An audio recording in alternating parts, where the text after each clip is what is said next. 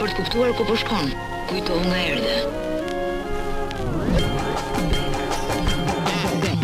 Back to the beginning.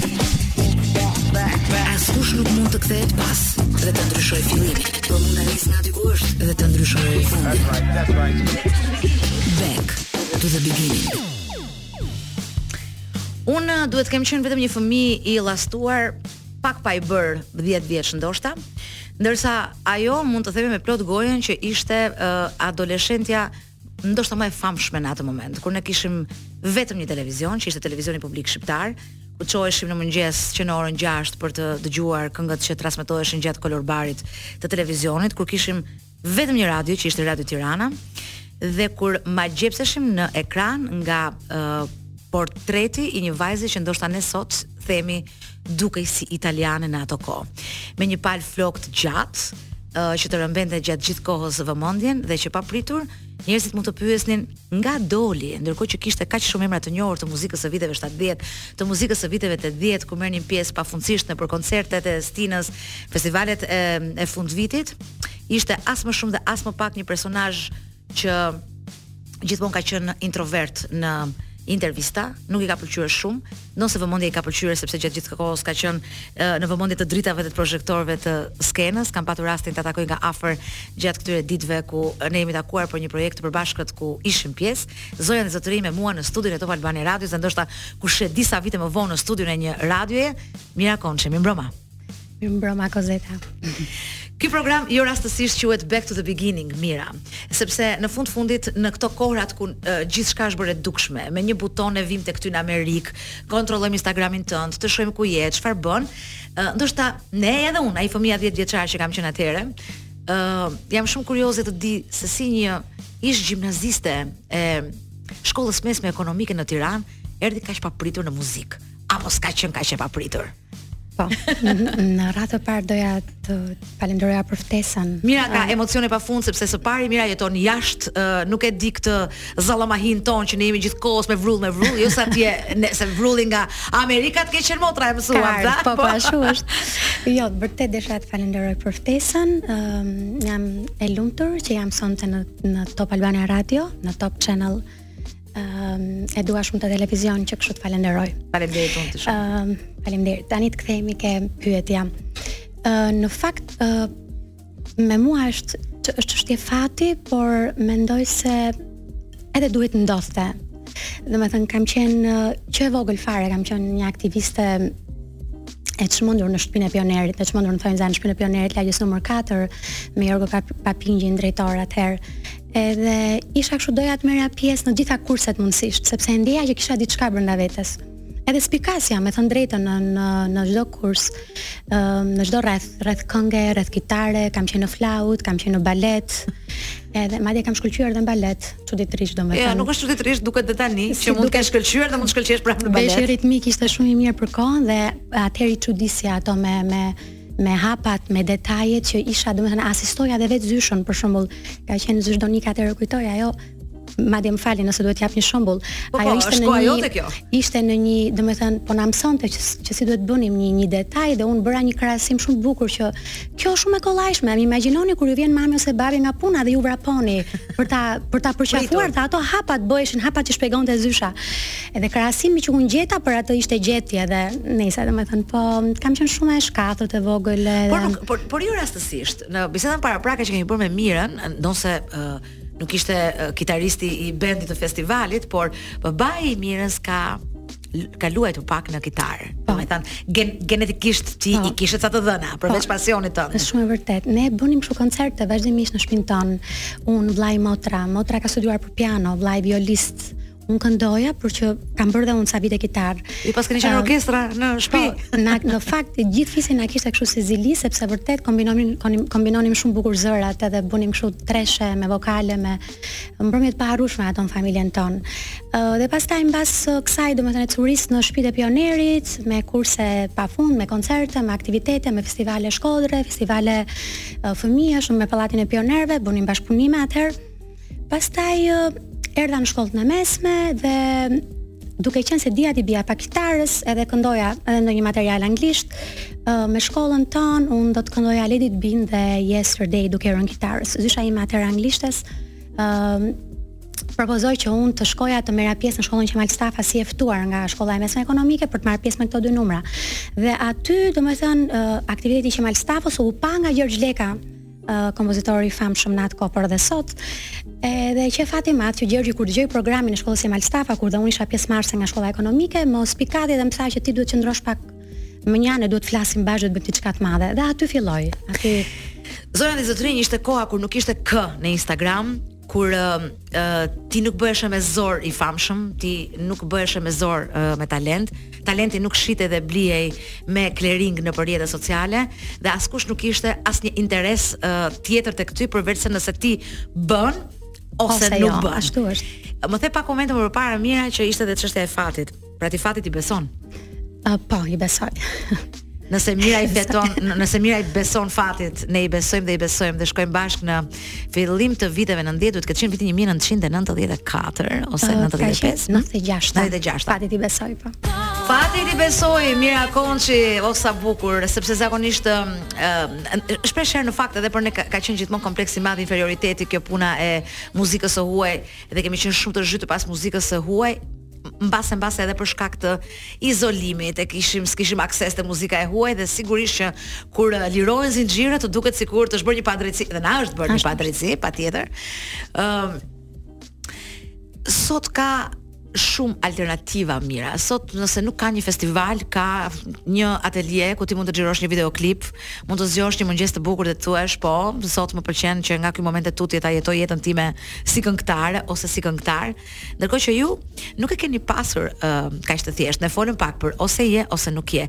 Dhe e kemi lënë fiks tek ajo shkolla e mesme, tek ai aktiviteti i shkollës, i cili më pas ty të solli në dyert e televizionit, edhe të solli në dyert e koncertit të parë recital dhe me sa më kujto, mua nuk kujtohet se un kam qenë çerr, po me sa un mbaj mend nga arkivat që i kam pas dashur dhe i dua gjithmonë dhe jam futur me hundë në arkivat e e RTSH-së gjatë gjithë këtyre viteve, ti ishe këngëtarja e dytë që bëje një recital pas Parashqevi Simakut që ishte këngëtarja e adhuruar e dëshiruar nga të gjithë me dhjetëra çmime tani vjen një gocë vogël aty tak tak tak uh, me orkestër a ah, dhe dua të të theksoj një detaj shumë shumë të lezetshëm sot ne vuajmë për proceset teknike të post produksionit audio Mira Konçi ka bër për herë të parë një koncert me pre-production. Pra, koncerti është regjistruar nga instrumentistët dhe se ne i themi playback, por nuk është më playback një këngë që unë e kam luajtur vetë, i kam rënë kitarës vetë, i kam rënë basit vetë dhe kështu me radhë. Si u gjende ti në tërë atë një vajzë e vogël në gjithë atë magji dhe a ishte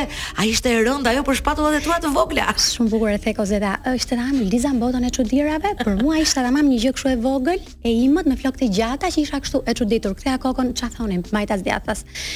Domethënë ideja ishte që pasi Gjergji më spikati, për një muaj ditë domethënë neve përgatitëm një koncert. Ëm uh, kryesisht ishin gjitha këngë kompozuara nga Gjergji dhe kishte një material të huaj për të cilën dhe u censuruam edhe u bë një provë e tmerrshme gjenerale që mund mos jepej fare domethënë gjithë gjëja por ja dolëm domethënë më shumë ishte edhe periudha në fakt që ishte koinçidoi që ishte 90-ta, ishte fiks një muaj para ambasadave, domethënë i ziente gjithandej ziente. Domethënë flitej që po bëhej një koncert dhe unë kujtoj katin e dytë të Pallatit Kulturës kur ne bënim prova me Gjergjin, ka qenë një aranxhat poshtë që është sin aranxhata dhe radha te aranxhata ishte se dëgjonin provat tona, domethënë se kishim dhe materialet e huaja dhe ishte domethënë një ishte utopike, e ke parasysh? Çdo gjë që për çdo gjë ndodh për një arsye. Unë dhe Mira Konçi kemi pirë uh, kafe sot paradite në baret e teatrit të operës dhe baletit. Pikërisht aty nga ka nisur gjithçka. Shumë bukur gazeta tamam. Dhe unë pa diskutim që isha, domethënë, isha nuk e di, në qiellin e 7, sepse nuk e di, domethënë, e ta përmenda edhe sot, uh, Ai, domethënë kënga për mua ka qenë nuk e di, një pasion domethënë i lindur dhe një e, e ndjeja që du, duhet më dëgjonte njëri dhe ai njeri që duhet më dëgjonte ishte Gjergj Leka, domethënë për këtë lutesha, o Zot më dëgjoftë filani sepse ai duhet më dëgjojë, domethënë bëj apo s'bëj atë që the. Dhe qëlloi Gjergj Leka, fiks domethënë edhe ishte domethënë një një një nuk e di, një Prandaj thotë Mira fatit i besoj. e u bë domethënë koncerti me instrumentistë të jashtëzakonshëm, domethënë ishte ka qenë Kujtim Prodani, uh, ndjesë pastë, Hektor Duri, Alban Lishi, domethënë Gjergj Leka, domethënë ishte një një formacion fantastik. U bë koncerti me një super jehonë, me një super sukses, domethënë ka qenë nuk e di. me fat vërtet, domethënë. Pastaj ky koncert pasoi me një koncert tjetër, domethënë recital që u bë në Pallatin e Sportit, që edhe aty e bëmë dy ditë mos gaboj, edhe aty një jehonë e jashtëzakonshme. U shkruajtën gazeta, u shkruajtën domethënë kritika, domethënë kanë qenë kryesisht kohë sepse sistemi ishte akoma që nuk ishte ndryshuar sistemi. Por uh, gjithmonë kur e kujtoj ishte ajo skena e bukur me atë emrin Mira, Aha. edhe instrumentistë të pozicionuar jashtëzakonisht bukur në skenë. Domethënë pozicioni klasik i një orkestre që për mua ishte ëndërr. Unë unë këndoja me to, imagjino, domethënë.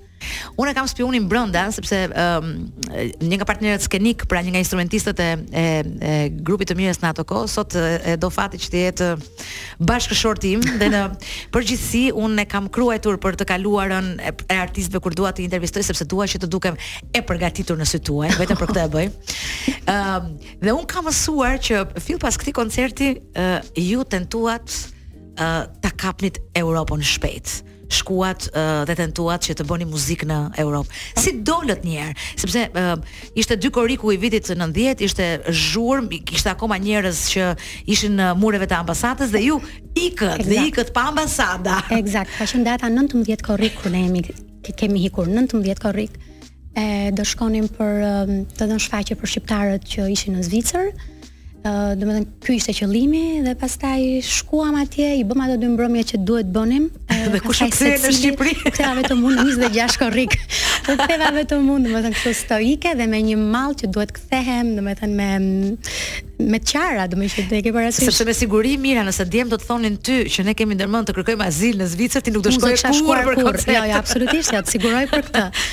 Dhe mbasi i bëm këto dy koncerte ato me shumë lezet duke më ruajtur dhe më një mos, mos më tregonin, kur pastaj kuptoj dhe shof që njëri andej tjetri këtej tjetri un un në shpinën e një një kosovareje që domethënë rrija dhe un jam kthyer në 26 korrik domethënë një javë qëndruam por ishte vërtet domethënë që u bë jehonë e madhe sepse ishte u, ishte koncerti që që zgjoi jashtëzakonisht domethënë ishte një gjë shumë e veçantë për kohën mund të them një revolucion ka qenë për kohën tamam pasoi me ikjen tonë në Zvicër që un u ktheva vetëm Ambasadat u hapën në dy korrik, domethënë ishte periudha domethënë një një kaos i vërtet. Dëgjoni çfarë i bëj Mirës tani. Ë, uh, e pse ke qëndruar në vend? Përse nuk e përsërit uh, suksesin tënd, sa vite më pas i bie?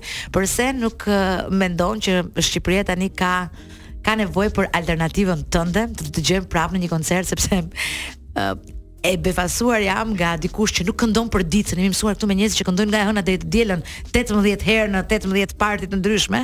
Dhe Mira që kam pasur rastin ta ndjek në prova gjatë gjithë këtyre ditëve një një bis që thash ku dreqen ja kanë futur CD-në kësaj zonje dhe kjo po këndon tani. Ka ardhur koha. Faleminderit shumë.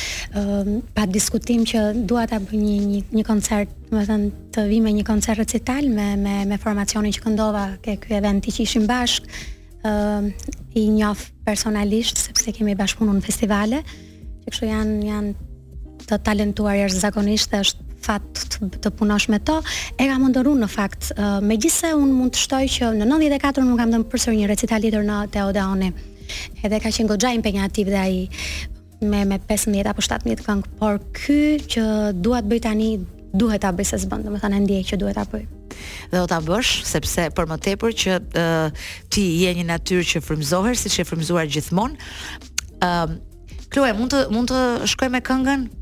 Ëm um, sepse Mira tha një këngë çfarë të dëshironi ju the best one se i ka të gjitha shumë të mira, edhe ne u përpoqëm të jemi pak edhe komercial në raport me publikun e kemi vendosur I wanna dance with somebody. Po, okay. a e ke sfiduar ti veten duke bërë vokaliza në shtëpi ndonjëherë Mira për të thënë do ta bëj këtë që bën Whitney Houston apo Mariah Carey apo nuk mm -hmm. e mhm. di.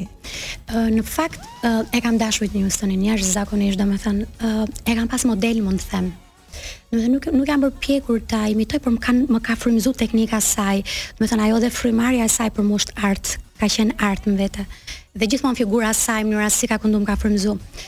Por un asnjëherë nuk e kam stërvit zërin, asnjëherë faleminderit Zotit kam qenë, domethënë mund të vija nga rruga, me pazare ose me fëmijët e vegjël edhe futesha direkt në studio, regjistroja. Vazhdojmë të dëgjojmë Whitney Houston, I wanna dance with somebody. Whitney Houston, I wanna dance with somebody. Eh, tani se ç'ndodh në të tilla raste ndonjëherë, uh, imagjinoni sa të lavdishëm i bën ca njerëz uh, vdekja, kur kanë qenë aq të lavdishëm në të gjallën e tyre. 1 milion dokumentar, uh, 250.000 forma perceptimi për një figurë kaq komplekse sa ç'ishte Whitney Houston, dhe në fund fare ne prapë e kemi shumë të bukur atë ngushëllimin kur themi uh, të rroni dhe t'i kujtoni se lum ku shikën i përmendur të gjithë njerëzit janë të shtrenjtë, po kur vjen puna që ti ke ca kontribute të tjera që gjithë bota mërzitet kur ti nuk je më, duhet të jetë një ndjesi, nuk e di që askush se di se si është ndjesia. Kthehemi tek kthehemi tek Mira edhe tek Muzika Mira ti ke konsumuar muzikë si këngëtare, si interpretuese e këngëve, sigurisht ke patur ëm um, ke patur sqimën tënde të asaj që mund të të pëlqejë, të asaj që mund të përmirësosh, por kam përshtypjen që përtej muzikës që ti ke konsumuar si interpretuese, si këngëtare, uh, ti je edhe njeriu që besoj unë, që edhe kur merr pluhura dhe qëron uh, hudhrat për makarona, dëgjon muzikë. Pa diskutim. Muzik, pa diskutim. Uh, thuhet shpesh që për gjeneratën ton, pra timen që jam pak më e, e vogël se ty, jo më e re, po pak më e vogël se ty se ne jemi të vogla dhe do jemi gjithmonë. Ë uh, jemi fanatik, ne nuk na pëlqen e reja, nuk na pëlqen komerciale, nuk na pëlqen ajo që na ofrohet. Po kam përshtypjen që njeriu që vjen nga muzika është tolerant ndaj alternativave që, që vin, sjell muzika me kalimin e kohës. Si ke raportet ti për më tepër që ti jeton në një vend si Shtetet e Bashkuara të Amerikës që prodhohet muzikë nuk e di, çdo sekond mund të po, prodhohet një këngë e re. Ë uh, me thënë drejtën mua më pëlqejnë dhe pa pa diskutim gjërat e reja që dalin, qofshin këto jo të asaj rryme që un mund të shijoj. Mm -hmm. Domethënë një gjë kur është e bukur për mua, qoftë një R&B, qoftë një hip hop, edhe hip hop, reggae gjithçka qoftë, domethënë për mua unë gjej të bukurën dhe aty ose varet, domethënë mund të jetë mund të jetë e bukur vërtet, edhe është totalisht e pranueshme nga unë. Unë e pëlqej shumë të bukurën, që kështu në muzikë pa diskutim. Ne thamë që ti muzikën e ke gjenetike, baba yt ka luajtur në kitarë, po ndërkohë ti nuk je ëm um, e vetmja që këndon apo që apo që merresh me muzikë në familjen tënde, si atë të origjinës, pra nga babai, si edhe në familjen tënde të bërthamës, sepse ka kënduar era po. në festivalet e fëmijëve.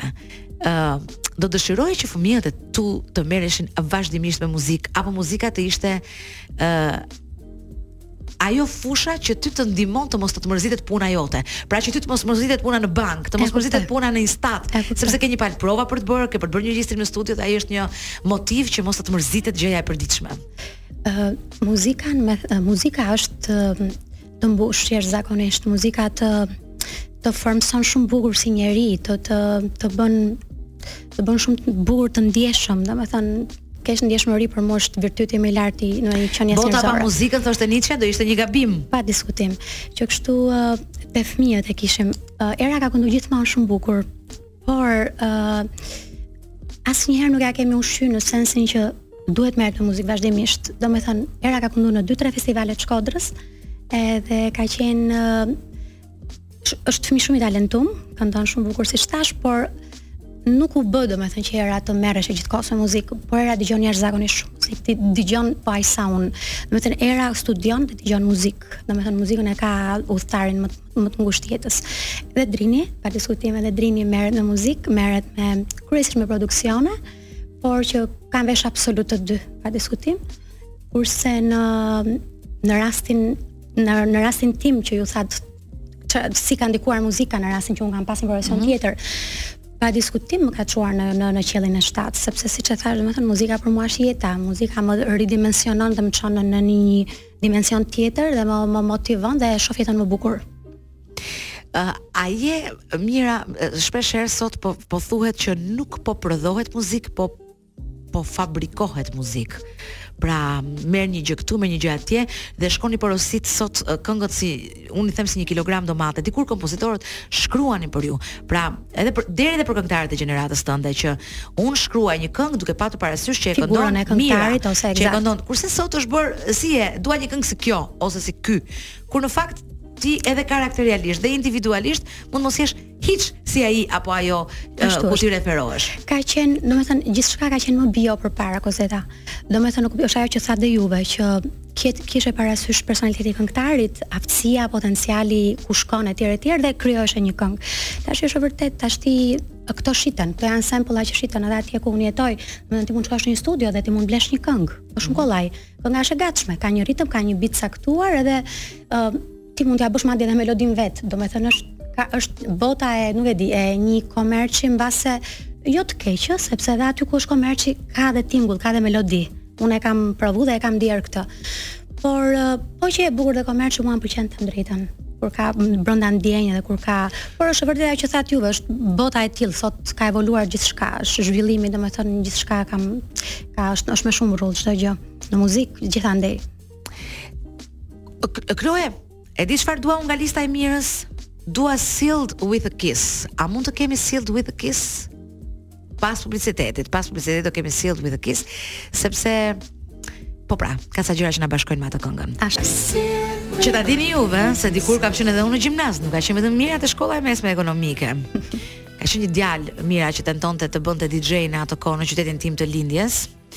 Edhe sa herë që më kërkonte këngë në radio, unë punoja në atë kohë në të vetmen radio të qytetit tim, ai i mirë, si ishte i mirë, i mirë ishte me thënë të drejtën, për aq kohë sa ishte aq i kujdesshëm dhe aq romantik, më sillte gjithmonë letra ku më falënderonte për transmetimin e kësaj këngës. Oh. Duhet të ketë qenë një nga ato gjërat që ti thua, "Ah, okay, qenka dikush aty që Ia tërheqkam vëmendjen unë edhe pse nuk ma shikon fytyrën, ah, sepse radio e kishte këtë të bukurën, po, që askush nuk e dinte se kush ti ishe. Dhe çdo kush krijon atë, domethënë si mund të jetë portreti i personit që flet në mikrofon. Si më kanë menduar mua të gjatë, ah, ah, bjonde.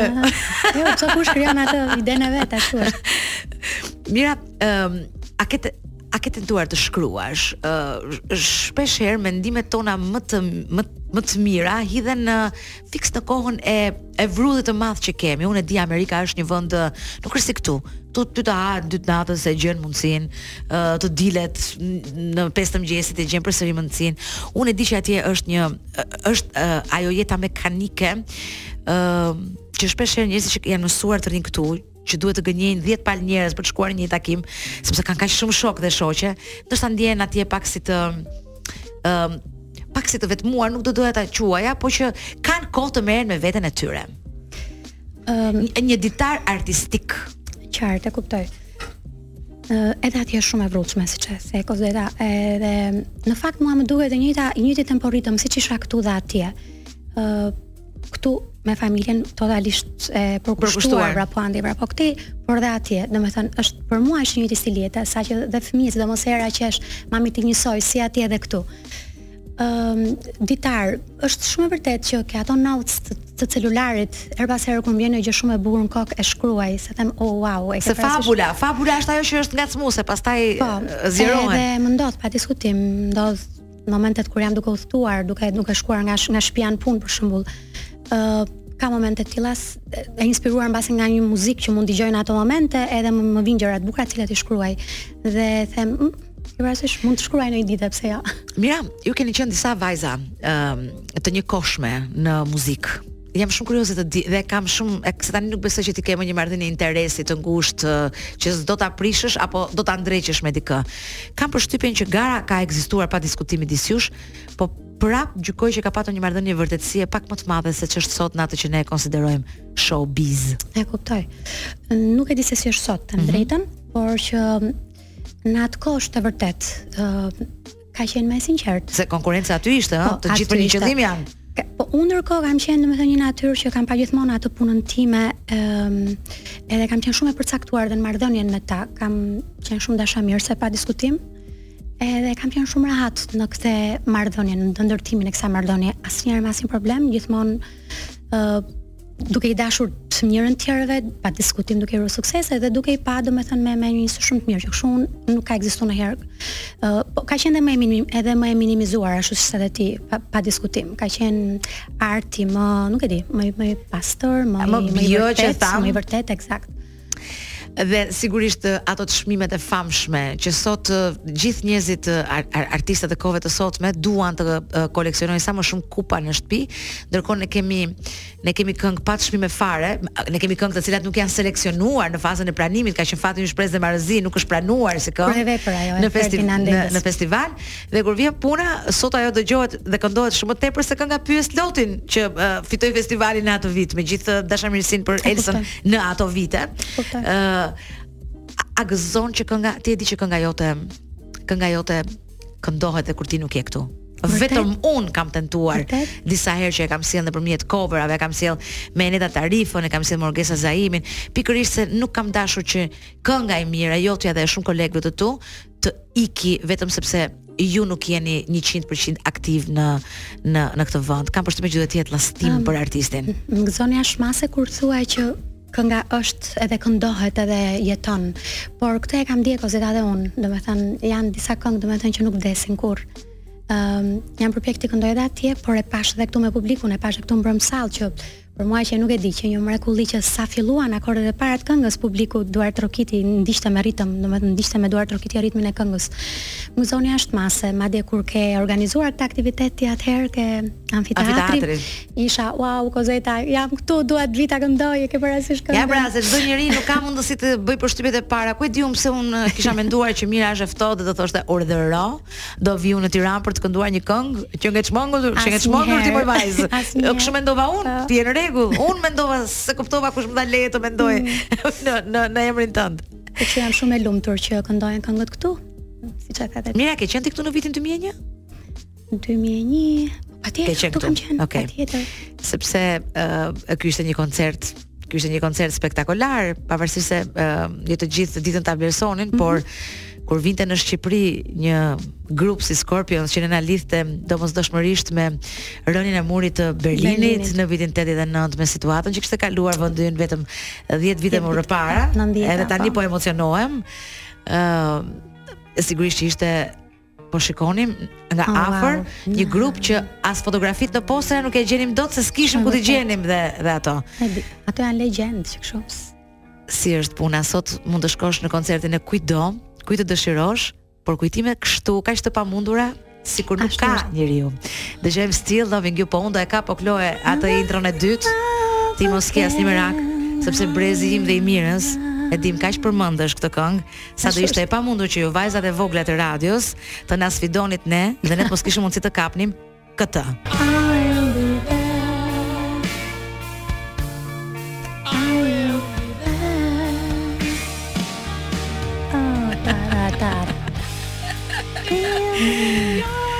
E si është puna, si është puna. Do guxoj edhe un. Zakonisht un guxoj këtu kur kam të ftuar aktor, për shembull Mira, mund të guxoj ta bëj këtë që bëre ti, të këndoj mbi këtë këngën. Kurse kur kam një këngëtar, jo, jo, jam uh, mjaftueshmërisht e mençur për të mos e bërë këtë gabim. Ashtu.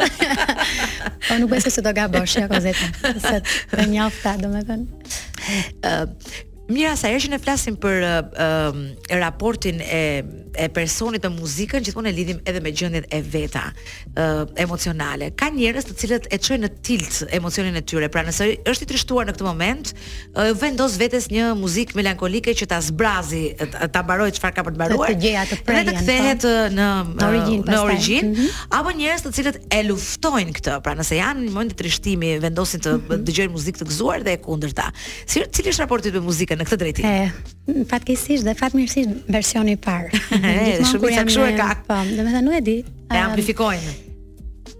Më shijon, nuk është se amplifikoj, po më shijon dhe ashtu dua ta kaloj. Edhe relaksohem, do me thënë gjej një lloj qetësie në atë lloj, mund të jetë vërtet një këngë depresive po themi ose nëse unë do të jem disi jo mirë emocionalisht, por mund të them se më shëron, ato momente, sikur gjej paqe, sikur bëhem njësh me këngën, do me thënë jemi shokë njëri-tjetrit, edhe shumë kalon. Domethënë, këtë muzikë, jo një muzikë tjetër që të ndryshoj gjendjen s'e bëj dot. Ëh, ishte pastaj njëfarë gënjeshtre në raport me veten para po, pasyrës dhe të tërë mund t'i gënjejmë, por ne vetëm veten tonë në atë që eh, për përjetojmë brenda, nuk bëjmë kompromis. Ëm, um, ti ke patur pak um, pa, pak bashkëpunime le ta quajmë, po flas për sa i përket këngëve të interpretuara të reja, ha, pra singlave të rinj sepse ju mund të keni ripunuar këngë të vjetra të sjella në kohë. Nga ajo që dëgjon sot apo nga malli që ti mund të kesh për të kaluarën në tënde. Ë, cili do ishte një bashkëpunim me një artist tjetër të këngës, interpretues tjetër të këngës që do të sillte me vrap për në Shqipëri për nja dy javë. E di pse po them, mm -hmm. që ta marrësh informacionet të të sjell. Po pra. Çfarë është masat? Ëm uh, në fakt, uh, unë në 90-ën kam filluar bashkëpunimin me Redon Makashin. Ka qenë, domethënë, bashkëpunimi i parë me Redonin, mbasi unë bëra koncertin uh, e parë recital. Edhe mendoj që me Redonin më më kemi kemi bashkëpunime, kemi disa bashkëpunime, na shkojnë shumë ngjyrat e zërave, mënyra se si Këndojmë të dy, domethënë, më duket sikur, si me thënë, trajtimi i një fraze që bën Redoni ngjason me mendimin tim për frazën që mund të bëj për një këngë, dhe sikur kemi gjëra të përbashkëta, shto këtu dhe ngjyrat e zërit që i kemi pak si me frusho të dy dhe sikur na shkojnë. Mua më kujtohet, por, ju keni patur një duet te Kënga Magjike? Më kujtohet, apo jam uh, gabim? Jo, kemi pasur në festival një duet në festival? me Redonin, okay. por kemi pas një duet tjetër që është Lionel Richie dhe Diana Ross, Diana Ross. në një më duket se në një event tip Misi ka qenë Po. Shpejt ta vendosim, e di pse do ta vendosim? Endless Love. Sepse është dueti më i madh i të gjitha kohërave. Kështu është bërë në rankimin ah, e revistës Rolling Stones, uh, që mbahet si Kjo ka qenë. Kjo është kjo, dhe ky është dueti më i madh i të gjitha kohërave. Ne kemi e kemi Kloen aty që do na e gjejë menjëherë, do na kthejë. Faleminderit. Do na kthejë pas uh, pas në kohë sepse ëm um, ne kemi kërcyer me këtë këngë, ne kemi bërë koreografi me këtë këngë. Kjo ka qenë pjesë e ka Endless Love. Kjo këngë Kloe ka lindur. shumë shumë shumë kohë më parë, unë e kuptoj që ti do dëshiroje që sot të kishim një një këngë të tipit ma kujto një që e keme që e vetë se do ta bëjmë dhe atë, mos mendo se unë dhe Mira nuk i duam shijet e tuaja, përkundrazi, ja. është realisht dueti më i madh i të gjitha kohërave. My Endless Love, Lionel Richie dhe Diana Ross. Ehm um, Neve jemi në minutat e fundit në këtë intervistë e cila zgjat shumë pak dreqin, unë do të bëj një kërkesë këtu që ta zgjas pak më shumë, sepse fiks aty ku fillon e ngrohet personazhi dhe i ftuari, fiks aty pastaj vjen ora 23 edhe edhe duhet të ikim. Megjithatë, ti Mira vjen shpesh në në Tiranë, pavarësisht se jeton larg, shumë larg, shumë rrugë gjatë për të ardhur dhe për të ikur, po edhe të s'të ndahet shpirti nga ky vend, sepse këtu është familja, janë rrugët në të cilat je mësuar të ecësh, janë miqtë e tu, edhe pa diskutim. Më merr malli për dritat e Rinasit, me thënë të drejtën. Është, domethënë është nuk është, është një gjë që është brenda teje, jeton me frymën tënde, me çdo gjë tënde. Ne vetëm ajo që të vjen në mendje ty është, wow, do iki, po sikur të iki. Domethënë ti dhe fantazon, unë mund të iki. Nuk kjo është, mund të iki në Shqipëri, mund të iki në Shqipëri, është është vendi yt pa diskutim. Me gjithë të mirat dhe të këqijat e veta, edhe ndjek, i ndjek zhvillimet që ndodhin, je kurioze të dish këtu se ç'ndodh uh, këto sherre, këto shamata, këto fushat e tjera që janë përtej artit, por që kanë të bëjnë me vendimmarrjen që ndodh në këtë vend ku jetojnë të afërmit e tu. Uf, se harrova një detaj shumë interesant, një detaj shumë mm. interesant. Përtej, uh, përtej asaj gjëje që ju bëni në familje me njëri tjetrin, por një gjë të përmasave të mëdha, me tët vëlla, mm. kur do ta kemi, apo duhet ta mendojmë? Po mbase do të jetë do të jetë i ftuar ke koncerti që do bëjmë mbase patjetër. Sepse do jetë një kujtim i pa po, i paharrueshëm. Ëm, um, shqetësohesh ndonjëherë dhe thua, po po jetoj në një vend që nuk janë ku di unë, shëndetësia e sigurt, arsimi i sigurt, mbesa jote. E ke ndonjëherë këtë shqetësimin që ti jeton në vendin e demokracive të mëdha, ndonëse atje ka 1001 probleme të tjera për vete si çdo vend tjetër në botë dhe ne jemi këtu te ky vendi që është pak më më i brishtë po themi. E di si është puna, e kam vërejtur dhe sot dhe dje mos gaboj këtë. Nuk e them ndonjëherë këtë. Mm. Nuk e di pse nuk e them këtë. Nuk jam domethënë ekstreme në këtë drejtim. Vetëm di këtë, domethënë, që e kam prekë dhe sot e dje dhe këto ditët që isha, që këtu është, domethënë, janë të dyja anët e medaljes. Domethënë, këtu shef dhe atë anën tjetër, atë anën e kaosit që ti përmende, po shef dhe anën e zhvillimit. Mm -hmm. Domethënë, mhm. i ke të dyja dhe ti aq sa gëzohesh me, me zhvillimet, me çdo gjë të re që hyn këtu në mënyrën më të shpejtë, vrullshme, është një mrekulli, domethënë. por mund të është ekuilibri. Mund, mund të e mundet, oh, thua po kjo ç'e don këtu ose kjo është një gjë domethënë. Por bashkëjetojnë të dyja dhe ti uh, anon dhe merr atë gjën më të bukur, pra ti merr atë gjën që këtu është zhvilluar shumë më tepër se sa shef atë anën tjetër. Nuk e di, unë kshu e shof mbase ne që vijmë, domethënë nga nga larg e shofim në këtë prizëm sepse po nuk jetove këtu në të vërtetë. nuk është se i prek të gjitha problematikat. Por unë kështu e shof, e shof e shof si një gjë në zhvillim dhe si një gjë që mm, më kënaq sa herë vi. E di me çfarë dua ta mbyll, dua ta mbyll me një quotes. Remarku e ka në e ka në dëftore, e ka në afirmative, por unë do të të pyes a është qyteti ku ti jeton, Mira, qyteti më i lumtur në botë? Ose më saktë, e ndërtova unë gabim. Ëm, mm. thuhet që njeriu rron i lumtur vetëm tek qyteti që dëshiron të jetoj. A është qyteti që plotëson lumturinë tënde në këtë moment që ne po flasim? Me thënë të drejtën, unë jam përshtatur jashtëzakonisht mirë dhe është po them nuk e krahasoj me Europën, në Europë me Europën kam pas momente që edhe nuk jam ndjerë mirë, momente domethënë kam shkuar për periudha të caktuara, shumë të shkurtra kuptohet, kurse këtu është një gjë shumë e çuditshme që mua që në momentin e parë që kam shkelur në atë vend. Më është përshtatur dhe kam thënë wow, nuk më shqetëson asgjë. Mbase ka ndikuar shumë kjo, domethënë, mbase edhe fakti që kam një punë të mirë, domethënë janë shumë faktorë mbase që ndikojnë në këtë qetësinë, domethënë në këtë përshtatjen më tepër sa qetësinë, por ndihem jashtëzakonisht mirë aty, madje më duket vetja Thash, domethënë, këtu atje si njësoj, domethënë. Qyteti më i bukur në botë është ai ku njeriu rron i lumtur. Ku ti ndihesh mirë. Do dëshiroja të thoja për gjithmonë rri me ne. Por eh, ndoshta po të rrije me ne, nuk do na kishte marr malli kaq shumë po të të shihnim për ditë. Ose po të dëgjonim për ditë, kështu që eh, shpresoj shumë që nga një eh, fitil i ndezur për të marrë përsipër për të bërë një sipërmarrje të re artistike në këtë vend. Nga një fitil i ndezur, shpresoj që të kemi shumë shpejt një draft për vërteti. Edhe shpresoj me ndihmën e Zotit, patjetër dhe tuajën. Dhe të them rri me mua Mira Konçi. Faleminderit shumë Zeta.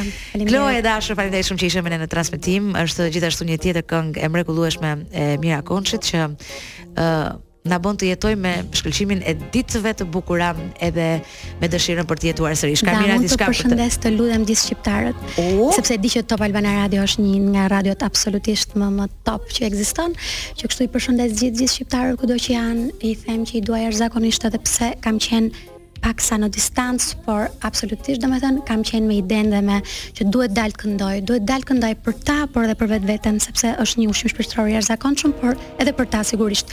Përderisa del në sken ose ke, kam dal që 30 vjet përpara, është një lloj raporti që ti është është një lloj lidhje që ti doemos se s'bën ta çosh në në në deri në fund si me thënë me me misionin tënd. Dhe është koha, është koha shumë shpejt. Rri me ne, rri me mua. Faleminderit për zot.